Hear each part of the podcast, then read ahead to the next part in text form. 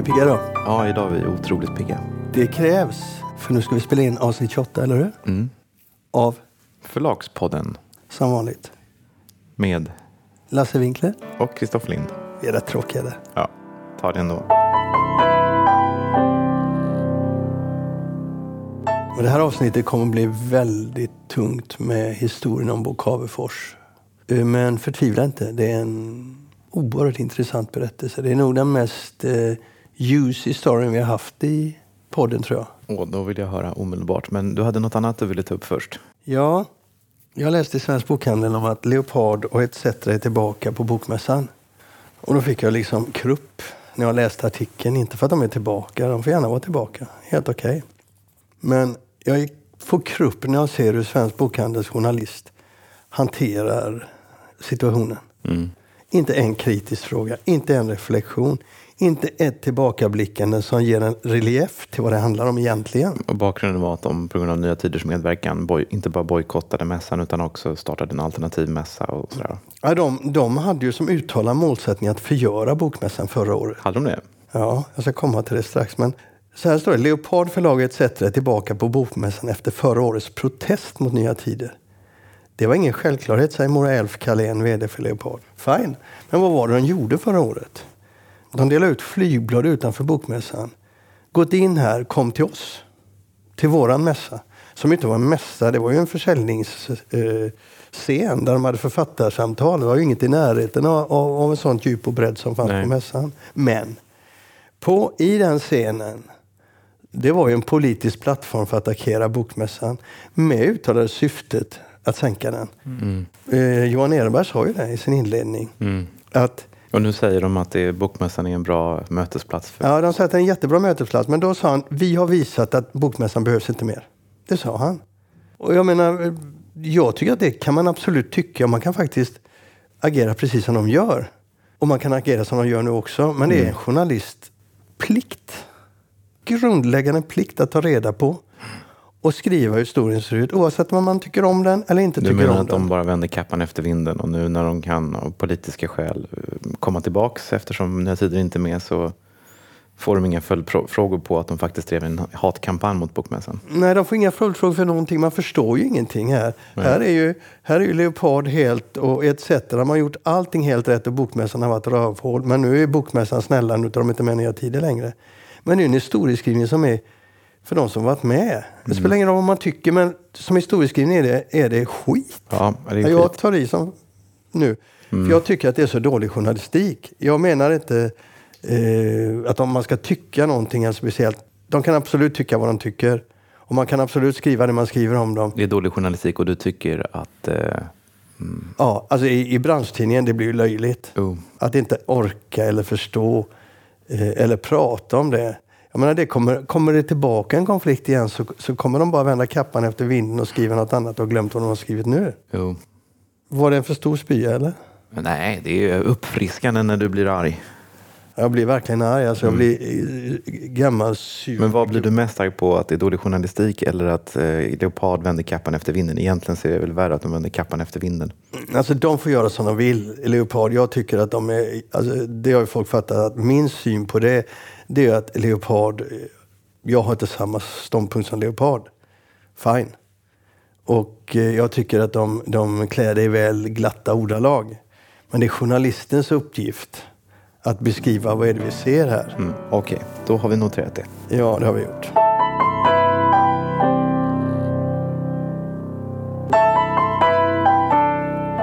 Nu ska vi prata om ett av mina absoluta favoritämnen. Och det är Bo Cavefors. Bo Cavefors. Mm. Ja, vi ska göra det därför att du har läst en bok, En avhandling. en avhandling som ju varit ute i media och valsat lite. Och jag ska låta dig prata till punkt. Sen ska jag överraska er alla med en väldigt juicy historia.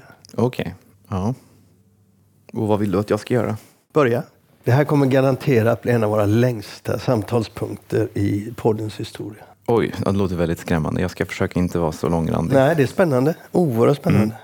Det har i alla fall kommit ut en avhandling av Ragni Svensson. Och avhandlingen heter Cavefors förlagsprofil och mediala mytbilder i det svenska litteratursamhället 1959 till 1982. Och det här är då alltså en avhandling, så det ska man komma ihåg när man läser den. Det är inte en bok som tar fasta på alla de anekdoter eh, och myter som finns om Bo Cavefors, utan det är en ganska, ganska torr, får man nog ändå säga, eh, och akademisk avhandling där hon liksom berättar om förlagets historia men framförallt så försöker hon då placera in det här i ett sammanhang. Och eh, Cavefors startade sitt förlag då 1959. Men bara kort, alla ja. som lyssnar så de inte tappar tråden. Ja. Varför är Cavefors intressant? Han är intressant därför att han drev då det här förlaget i 20 år. Eller lite mer, 24 år eller vad det blir. Eh, och eh, han hade en utgivning som var mycket konsekvent. Den var eh, nästan uteslutande höll väldigt hög litterär nivå. Eh, förlaget blev synonymt med en viss typ av litteratur. Han drog till sig väldigt mycket, många intellektuella. Han drev förlaget från början i stort sett själv. Han formgav alla böckerna själv. De såg, hade ett karaktäristiskt utseende. Och eh, han kom, som Ragnhild Svensson skildrar och visar på i boken, att, att liksom förkroppsliga mytbilden av det lilla oberoende förlaget, rebellen, eh, gentlemannaförläggaren som styrs av idealistiska motiv snarare än kommersiella.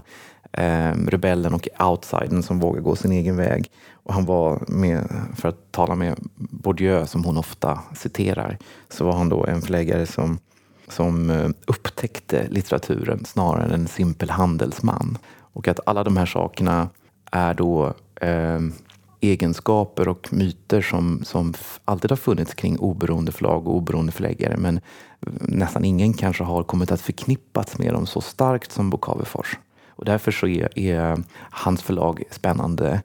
Eh, det var också en tid som var väldigt politisk och Cavefors började kanske inte så politiskt men kom att bli allt mer politisk och gav ut otroligt radikal litteratur. Eh, han gav ut eh, alltså, Che Guevara och Rosa, Rosa Luxemburg och Stalin och sådana saker men han gav också ut eh, Rote fraktion, som eh, inte fick ge ut sina texter i Västtyskland gav han ut i Sverige och smugglade in eh, förklätt omslag. Det var liksom påhittat omslag Ehm, eh, till, till Västtyskland och detta fick han betalt för. Och han gav också ut Kim Il-Jungs skrifter som betalades av Nordkoreas ambassad. Så att han kom att bli allt mer radikal eh, med tiden och det är då också intressant eftersom eh, eh hon för i den här avhandlingen ett resonemang om hur ett förlag skapas och skapar sin samtid och att det finns en växelverkan här och hon beskriver hur Bokavefors förlag är ett exempel på det. Eh, att, att bokförläggaren både formar och speglar sin tid. Och hon går ganska långt faktiskt. Hon, hon menar på att eh, hon går så långt så hon säger att om man vill förstå fenomenet 1968 i en svensk kontext så kan man inte bortse från Bokavefors. För hon menar på att de texter som han gav ut eh, fick en så stor betydelse för den här, de, de, de vänsterintellektuella på den här tiden. Så att han, han var helt avgörande för, för, eh, ja, för det intellektuella klimatet. Jag tycker det är en intressant tanke. Eh, jag tror att hon går lite långt. Det fanns ju fler än han som gav ut den här typen av texter. Men ja, det är, det är en väldigt intressant bok. Har hon pratat med Bo Cavefors? Hon har pratat med Bo Cavefors Eh, men ganska liten utsträckning eh, får man i alla fall känslan och intrycket av. Det finns alltså ett förlagsarkiv som är bevarat där det finns väldigt mycket brev eh, till och från mellan förläggaren och författarna och det finns även, hon har talat med några av de tidigare anställda och sådär, men det finns alltså ett ganska bra källmaterial som hon har gått igenom. Och den kän, det känns som att hon håller en väldigt nykter ton. Jag tror att hon har en, hon hon aktar sig för att i intervjuer med Cavefors idag dra slutsatser om hur det var då.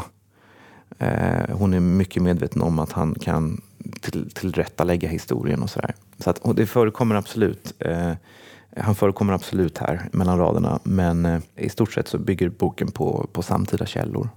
Sen slutade förlaget också mycket sorgligt och mycket spektakulärt. Eh, det var ett antal skandaler eh, Bo Cavefors-skandalen var liksom en, egentligen tre olika saker.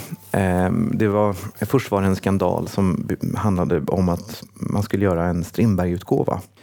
Eh, och det här hade Bo Cavefors eh, fått i uppgift av Statens kulturråd och det var eh, enormt mycket pengar involverade i den här. Det var hans idé? Det var kanske hans idé. Jag minns inte. Om, Jo, det var hans idé. Okej. Men ännu mer anmärkningsvärt var att, att de här eh, alltså kulturrådet, på Kulturrådet så fanns det väldigt många människor som hade en stark anknytning till Bo Cavefors förlag som antingen som författare eller liksom översättare eller intellektuella i någon mening. Och ehm, eh, när dagen efter att man, Kulturrådet hade gått ut med, med eh, ett brev, eh, information till förlagen om kriterierna för att ansöka om att få uppdraget att ge ut Nationalutgåvan av Strindberg. Så dagen efter så kom Cavefors in med en ansökan som var som, som skräddarsydd. Och även kriterierna var som skräddarsydda för Cavefors. Så att det blev kritik mot att det här var liksom en vänskapskorruption. Och den dåvarande kulturministern tror jag rev upp det här. Eh, och eh, då blev det ett enormt liv där väldigt många, många ur den svenska kultureliten skyndade till Bo Cavefors försvar. Och man tyckte att det här var fruktansvärt. Och det här sammanföll med att förlaget hade ekonomiska problem. Så det här ledde senare till en konkurs.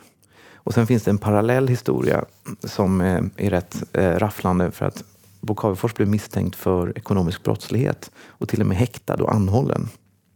Och det handlade om att när han gav ut de här eh, rafftexterna RAF-texterna så hade han fakturerat de västtyska terroristerna privat så att säga. Det hade inte gått via förlagets konto utan han hade fått betalt in på sitt privata konto. Och det var ett bokföringsbrott. Ansåg man i alla fall, den åklagare som drev det här fallet. Eh, själv hävdade han att det var politiska skäl så kunde ni, liksom, för att undvika västtyska myndigheterna och det ena med det andra. Och då spreds det ett rykte om att det var Säpo som hade stoppat honom och att man hade hittat på det här för att han inte skulle kunna få ge ut de här eh, texterna helt enkelt. Så att här, alla de här sakerna spädde ju på mytbildningen kring Bo Cavefors eh, avsevärt. Och sen så slutade det med att han, han eh, det, det bildades en stiftelse faktiskt. Han gjorde konkurs och så bildades det en stiftelse som skulle driva det vidare. Men det ble, blev osämja där mellan honom och stiftelsen så den lades sen ner. Och han flyttade till Zürich och började ge ut jesuitiska texter.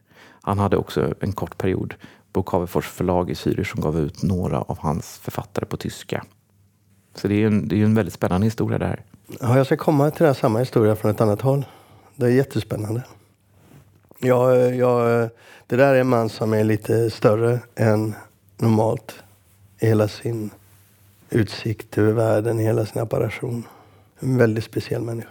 Ja, och tyvärr får man inte riktigt eh, bilden av det när man läser avhandlingen. Hon är ju väldigt försiktig, eh, Ragnhild Svensson, med att spekulera eh, i, i hans alltså biografiska detaljer, utan det är ju en avhandling. Men exempelvis så nämns eh, att när han startade förlaget, var han 24 år tror jag, så fick han ett arv på 300 000 kronor som satts in på ett konto i Zürich. Eh, och det skulle i dagens penningvärde motsvara ungefär 3 miljoner kronor. Bara det är ju en väldigt spännande historia som eh, eh man hade velat veta lite mer om. Varifrån kom det här arvet? Varför sätts det in på ett konto i Zürich? Um, och hur mycket pengar var det egentligen? Och det är också en av de här myterna om Cavefors, att han kanske levde på det här arvet under en väldigt lång tid. Tre miljoner räcker inte så långt om man ska driva ett förlag. Jag är inte säker på att det var ett arv. Vad tror du att det var? Jag tror att det var eh, pengar från den eh, eh, prefascistiska högern i Europa för ett bestämt syfte. Men eh, det är ju närmast förtal. Ja, jag ska förklara min eh, teori där. Mm. Jag eh, fick uppdraget av Svensk Bokhandel 1997, jag var frilansare då, att göra en intervju med Bo Cavefors. Därför att Bo Cavefors och Cavefors förlag var ändå ursprunget för hela det här eh, som sen blev Lunds förlagsvärld, ska man säga. Va? Du vet alla de här små förlagen som kom upp. Alla såg ju på Bo Cavefors med eh, tindrande ögon och alla hyllade Bo Cavefors. Så jag tänkte, visst det gör jag gärna. Och på den tiden så jobbade jag väldigt mycket som grävande journalist. Och var fanatiskt intresserad inför varje jobb jag gjorde att jag skulle veta allt. Så jag började läsa på. Jag hade ju följt på Cavefors. Mm. Och jag tyckte att det fanns någonting i bilden som skavde lite som jag inte förstod när jag tittade på utgivningen. För det var väldigt mycket vänsterlitteratur och väldigt mycket högerlitteratur under den, under den perioden. Högerlitteratur. Ja, och han blev ju vad som kallas högerlitteratur. Ezra Pound, eh, Per Engdahl. Sån här. Ja, men äh, Ezra Pound är ju mer skönlitterär. Det, Ja, det spelar ingen roll därför att det finns en historia bakom det här sen. Jag hade, per Alltså, Engdahl, per Engdahl var, han gav ut hans självbiografi va? ja, men alltså poängen var den att han kallades ibland för högerutgivare och ibland vänsterutgivare beroende på vilken politisk så att säga, utgångspunkt eh, betraktaren hade. Han var väldigt omstridd på det sättet men han var väldigt omtyckt inom kulturvänstern, Jo. kulturjournalistik. Men eh, jag, må, jag vill höra din historia, jag måste bara ställa frågan. Eh, Ragnhild Svensson tar ju också upp att han gav ut Per Engdahls biografi.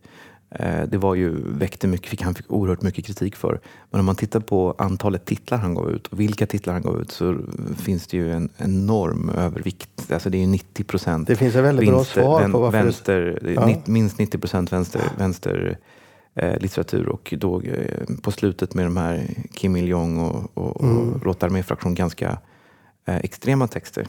Det finns en väldigt bra svar och det finns en väldigt bra förklaring från Bo Cavefors. Och, det, och, och den är helt, eh, jag är helt övertygad om att den är 100% sann. Den har präglat hans liv, den präglar hans ideologiska eh, ingångsvärden och så.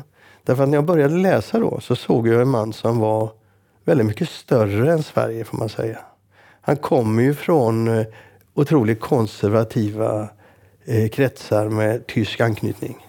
Eh, han har ett väldigt europeisk utgångspunkt. Han gick ju i eh, Jesuitskola. jesuitisk skola, bland annat i London.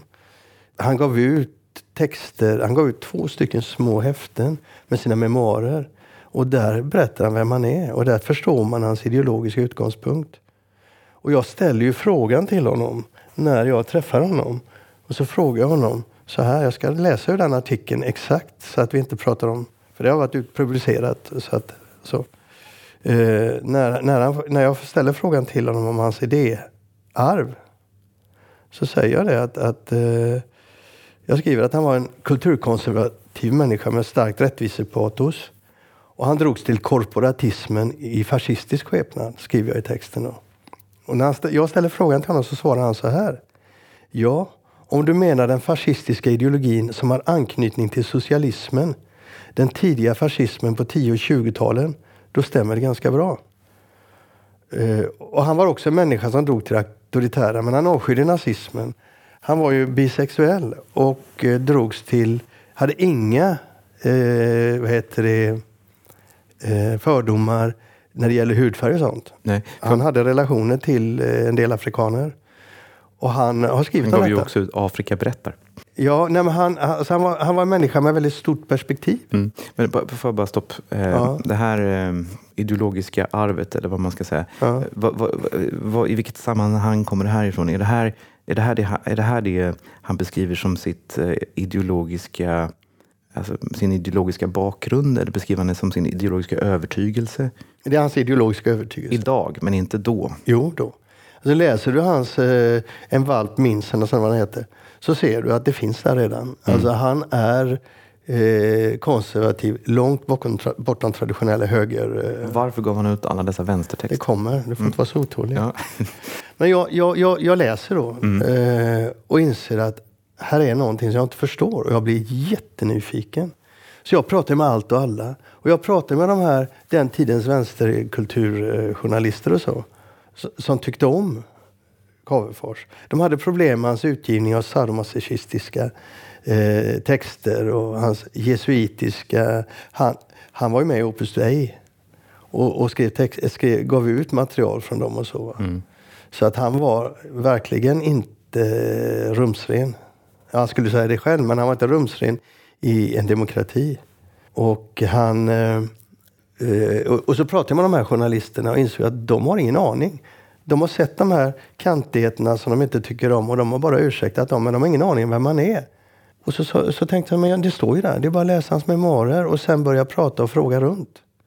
Jag minns att jag gjorde, och det här är faktiskt en av de roligaste jobb jag har gjort i mitt liv. Oj. Jag åkte runt i Sverige och pratade med folk. Jag minns jag åkte hem till Harry Järv.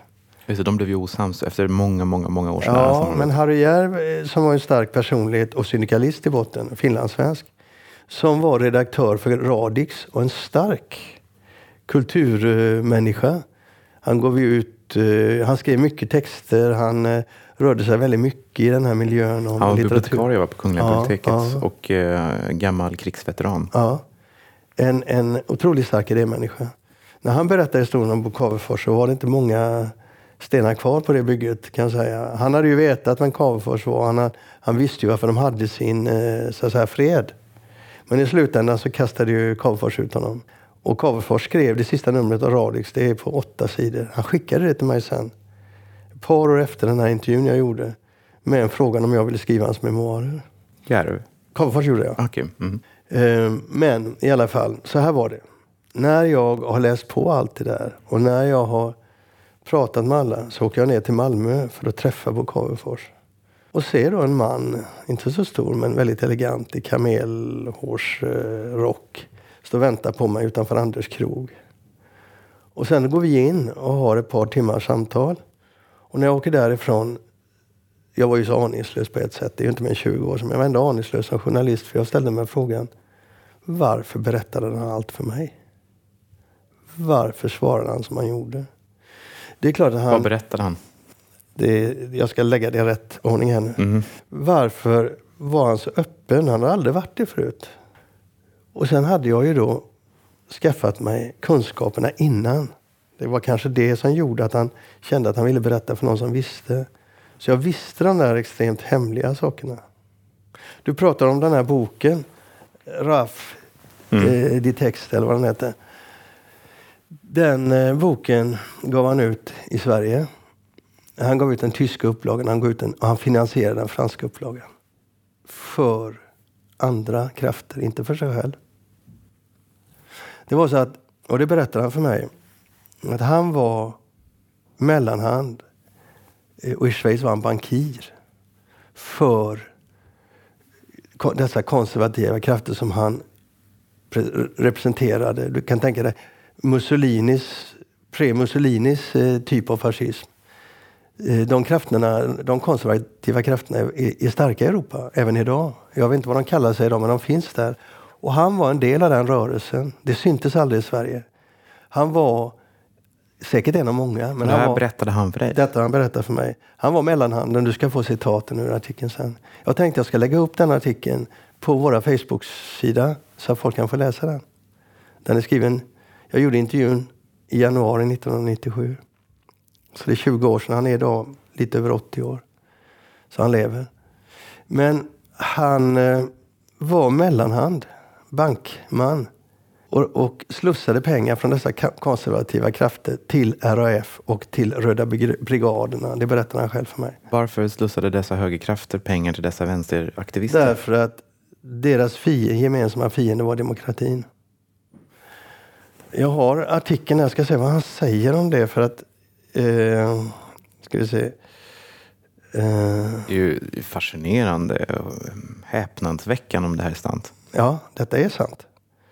Eh, han gav ut alltså Rafs texter där Raf på svenska och tyska. Han gör det alltså i en tid när den västtyska ambassaden i Stockholm sprängs i luften.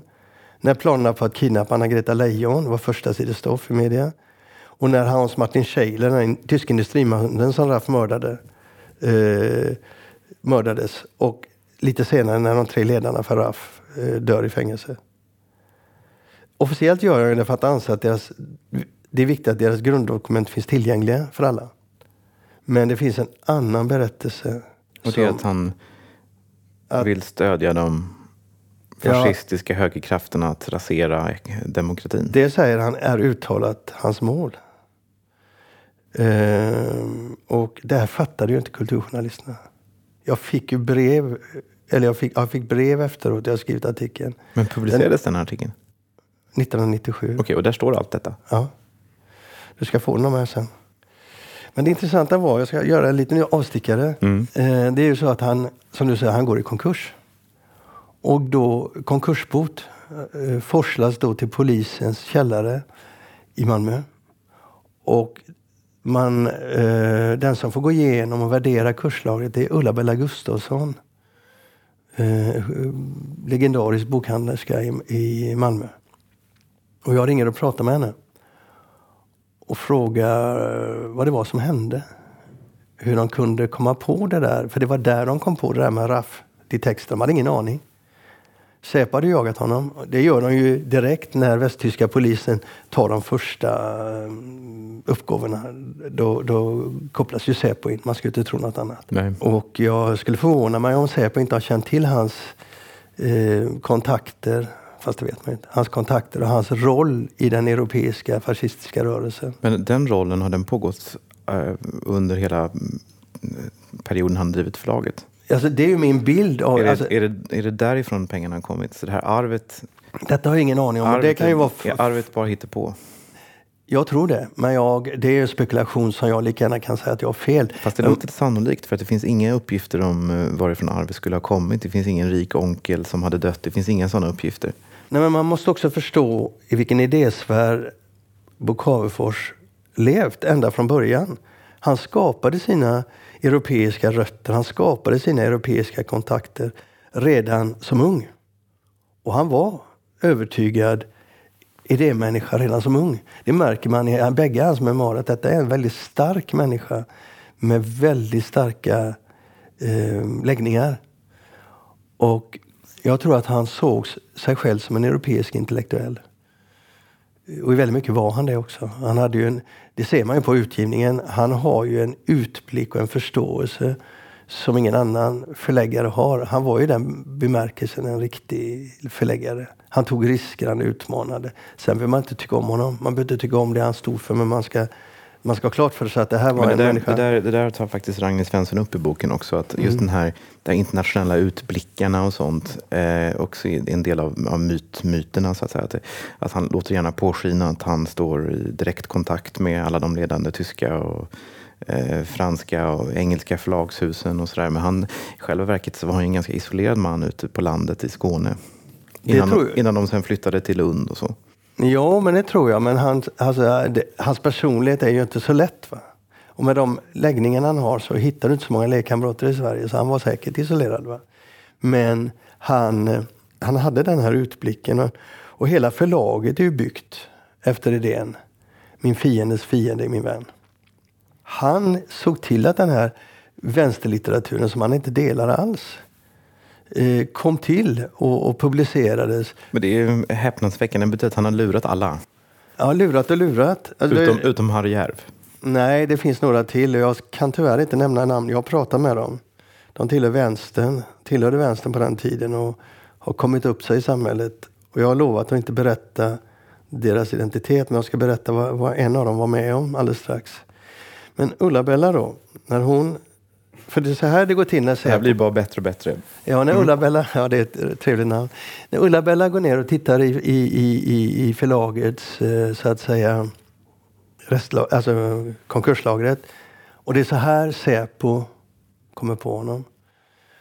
Och det är en rolig historia.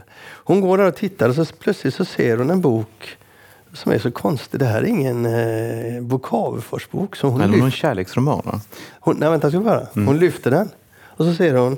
Det är eh, Per A. Rosenberg, Just det. Kärlek med förhinder. Just det. Och det är ett omslag. Med liksom en, en, en löjtnant eller någonting sånt där. Va? Det är en, eh, jag fattar inte varför han gjorde ett sånt misstag. Han skulle ha lagt den lite närmare sig själv. För hade hon aldrig öppnat den, då hade ingen kommit på det. Nej. Men hon tar upp boken, öppnar den och säger då att det är ett falskt omslag, pappersomslag. Det är Raft i texter då, va, på tyska som ligger under. Var så han lurade tyska Tullen. tullen och polisen för att få in den. Eh, och så går hon upp och fikar i lunchrummet. Och i lunchrummet så sitter det ett par, jag tror det är två Säpo-poliser. Ehm, I artikeln så har jag två, två personer, som, två poliser som jag pratade med som berättade också sin version av det hela. Men de hör vad hon säger och reagerar direkt, berättar hon för mig då. Så det är så Säpo får reda på det. Och vad de är ute efter är ju inte ekonomiska oegentligheter i förlaget som hon säger. De är ute efter kontaktytorna till De eh, fascistiska finansiärerna. och till eh, RAF. Och han har dem. Han säger själv i, i intervjun till mig att när de gör razzian, de gör den på tre ställen, men de gör razzian, jag ska citera då för det är så jävla roligt när han säger det. Eh, Jag skriver så här. På sensommaren 1979 genomför polis och åklagare en razzia på tre olika ställen i Skåne och Bo Cavefors anhålls och häktas under nio dagar. Och då protesterar hela kulturvänstern i detta mm. läge. Officiellt handlar det om ekonomiska oegentligheter i förlaget men reduceras så småningom ner till ett åtal för hantering av den tyska upplagan av RAF-boken. Precis det jag pratar om nu. Kvitton saknades och pengar, småsummor enligt Cavefors, hade förts ut ur landet till RAF i Tyskland. Efter den smällen var det slut med Cavefors förlag. Det var en av tre konkurser han gjorde. Ja, precis. Men, men, precis. Men, men, det där ingår ju i mytbildningen också. Att... Men du ska då veta att eh, så här var det. Vad hände den gången? Ska vi se, jag ska bara hitta det. Jo, när han togs av polisen 79 var det, främst, det, det han främst var rädd för det var att kontaktytorna till RAF och kontonumren i Schweiz skulle avslöjas. Så säger han så här. Både jag och RAF kunde råkat illa ut. Hade de hittat kontot så hade de undrat var pengarna kom ifrån. De pengarna hade inget med utgivning av boken att göra. Det var andra RAF-pengar. Hela tiden medan han satt i fyllecellen i Lund visste jag inte om de hade hittat pärmarna. Polisen var nära. De vände upp och ner på hemmet och förlaget i sin jakt, men de slarvade. De gick igenom allt, säger han. Sängar och vända garderob. Men min frus bil struntade de i. Där låg pengarna, eller pärmarna, i bagageluckan. Och då har jag pratat med den där andra personen som jag pratade med alldeles nyss. Den här vänstermänniskan. Som var i huset. Och som Cavefors fick. De var fyra där. De andra tre så att säga som var där i huset gick ut i bilen, tog pärmarna och grävde ner dem i skogen. För att Säpo inte skulle komma åt dem. Jag tror att den här personen ångrat det väldigt mycket men, men då var personen i en annan situation. Så de personerna, inklusive mm, räddade Bokavefors, räddade RAF och räddade den fascistiska högern från att avslöjas där. Det är vad Säpo var intresserad av. Det är en enastående historia. Ja. Den enastående man också på det sättet. Och så frågade jag honom också. Så här, utgivningen av RAF-boken hade dubbla funktioner. Dels passade den hans förläggarambitioner. Dels fanns det ett politiskt intresse då, stöd för dina fienders fiende. Låg det också bakom din utgivning av vänsterlitteratur? frågade jag. Och ja, det var precis samma sak, svarade han. Idag hade jag inte gett ut den litteraturen. Idag finns det andra saker att stötta, men då behövdes det. Och sen försvann han till Italien eh, och gav ut jesuitisk litteratur. Men han fortsatte. Han var alltså bank bankman för de här krafterna. Och, och under de åren, sa han till mig, så stöttade vi också Röda brigaderna i Italien. Oj. De var ju ännu mer våldsamma. Ja, men det var ju syftet. Säpo sökte ju ett konto. De kom ju så långt. De visste att det fanns ett konto i en bank. Mm. Så de tog kontakt med den banken. Och han säger för övrigt till mig också att han, apropå det här med RAF-boken, sa han. Senare gav jag de facto ut, eller finansierade den italienska och i viss mån den franska upplagan. Och det var inte han själv som betalade de pengarna. Han är så glad därför att när polisen vände sig till den här schweiziska banken så gör banken så att de liksom plockar bort det verkliga kontot. Det kommer polisen aldrig åt. Utan de ger, de ger dem ett annat konto. Så att han, han är så glad att banken, banken lurade polisen. Så där fanns väl en idégemenskap då. Så att det var inte bara bara. Och det här kan man alltså följa hela, hela, hela om du följer och tittar med de här ögonen på Bokavfors liv så ser du detta. Han har i, i svenska ögon i sin publicering han ska hyllas väldigt mycket tycker jag för, för mycket av vad han gjorde i, i Cavefors förlag. Han var ju den som publicerade Wolle. Mm. Innan han Slut. Han gav ut mycket afrikansk litteratur. Det, det är också en, en av sakerna som Ragnhild Svensson tar upp. Men, men så, eh, att han gav ut de här högerböckerna han gav ut. Alltså per Engdahl, han var ju, han var ju nazistledaren i Sverige. Mm. Ja, det gjorde han för idégemenskapens skull. Han säger ju själv att han gav ut det här för att på, i boken så finns det en eh, Eh, ett brev till dåvarande socialministern. De var med i samma ungdomsorganisation. Och han ville liksom hänga ut henne. Så han motiverar och förklarar och legitimerar utgivningen av Per Engdahls memoarer med att han ville hänga ut den där socialdemokratiska socialministern. Mm, men det men, var intressant. Men sätt i bilden av vad du nu vet. Och jag, jag hade ju mycket mer än det här. För jag, mm. Och jag pratade med så många. Så att jag, jag kan garantera att... Det låter som en spionhistoria. Jag trodde det hade... var det. Det var det. Och han har ju skött det här skickligt så. Otroligt. Ja. Men ser du honom i, den, i, det, i det skenet mm. så går det att förklara hela hans eh, karriär. Det finns ingenting av detta i avhandlingen? Nej. ja, hon har varit försiktig och när hon har närmat sig det så har hon inte förstått hur hon ska förstå det kanske. Vad vet jag. Men eftersom Jonas Tente DN ställde frågan om det här med, med Per Engdahl så hoppas jag att han lyssnar på detta nu så får han ju svaret Mm. på det han inte visste. Eh, avslutningsvis bara, det här blev väldigt mycket mer intressant än vad jag trodde. Otroligt intressant. Alltså en svensk förläggare som visar sig vara stödja antidemokratiska krafter och backas upp finansiellt av eh, fasciströrelser i Italien. Det är otroligt spännande. Eh, hade man ju ingen aning om. Men vad hände sen med honom? Hur, hur, hur liksom, eh, för det här slutade då 82 och du säger att han fortsatte då Italien och stödja. Eh, Brigaderna där så jag. Ja. vad, hände, vad hände sen? Alltså, det vet ju inte jag. Det kan ju hända mycket i relationer mellan människor och vilka roller de spelar och så. Men det som syns är ju detta att han fortsätter jobba med Opus Dei. Han fortsätter jobba med den här sadomasochistiska sidan. Men sexuell, han är ju väldigt explicit sexuellt och väldigt intresserad av sex. Eller jag vet inte riktigt hur jag ska uttrycka det, men han är väldigt... Det väldigt syns inte i Cavefors utgivning. Eh, det, och det är, det är sant, men detta är en väldigt viktig del utav vem Bo Cavefors är. För det präglade mycket av hans eh, idévärld och hans vara. Han berättade för mig det, en hel del om det där och det finns ingen anledning i det här sammanhanget att uppehålla sig vid det. Men för den som vill veta så finns det väldigt mycket att se. Mm. Eh, Så att det är inte utan orsak att han var med och stöttade Opus Dei och det är inte utan orsak att han gav ut de här sadomasochistiska skrifterna. Varför berättade han allt det här för dig? Ville han att du skulle berätta detta för världen? Nå, det är det jag inte förstår. Eller rättare sagt, vad händer i en relation när du kommer och har ett samtal och någon plötsligt ser dig för vem du är? Du är ju stolt över de här sakerna. Du pratar.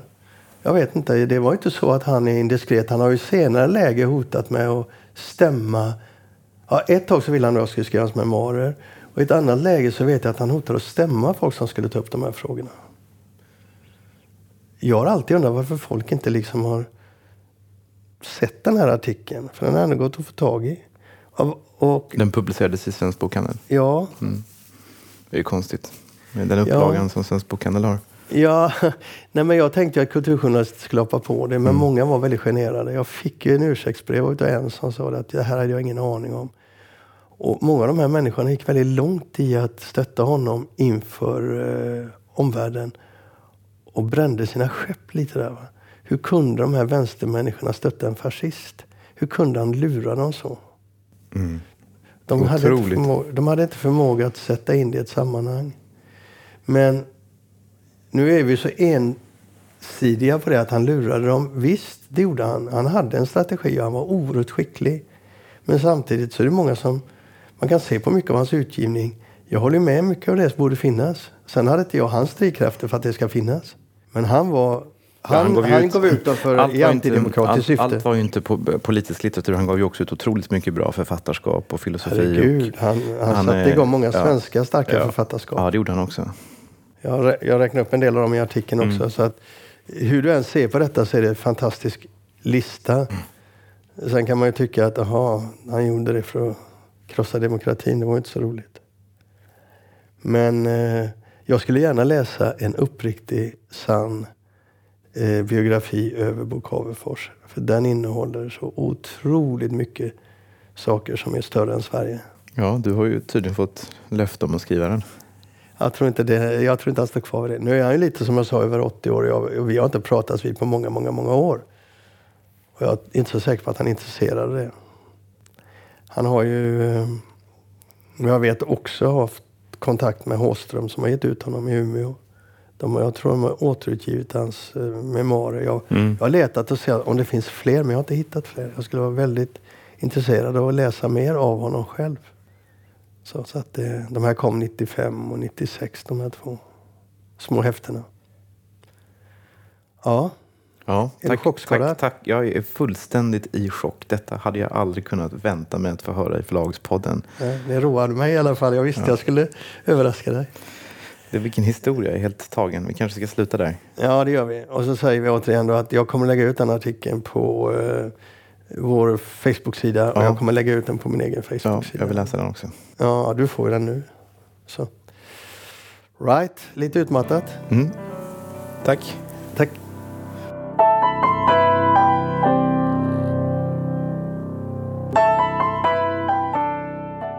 Oh, äntligen är vi framme vid slutet. Ja, det var ett eh, rafflande samtal. Ja, det var det. Och det var en hel del som folk inte visste om. Ja, till och med jag. Ja, det ser man.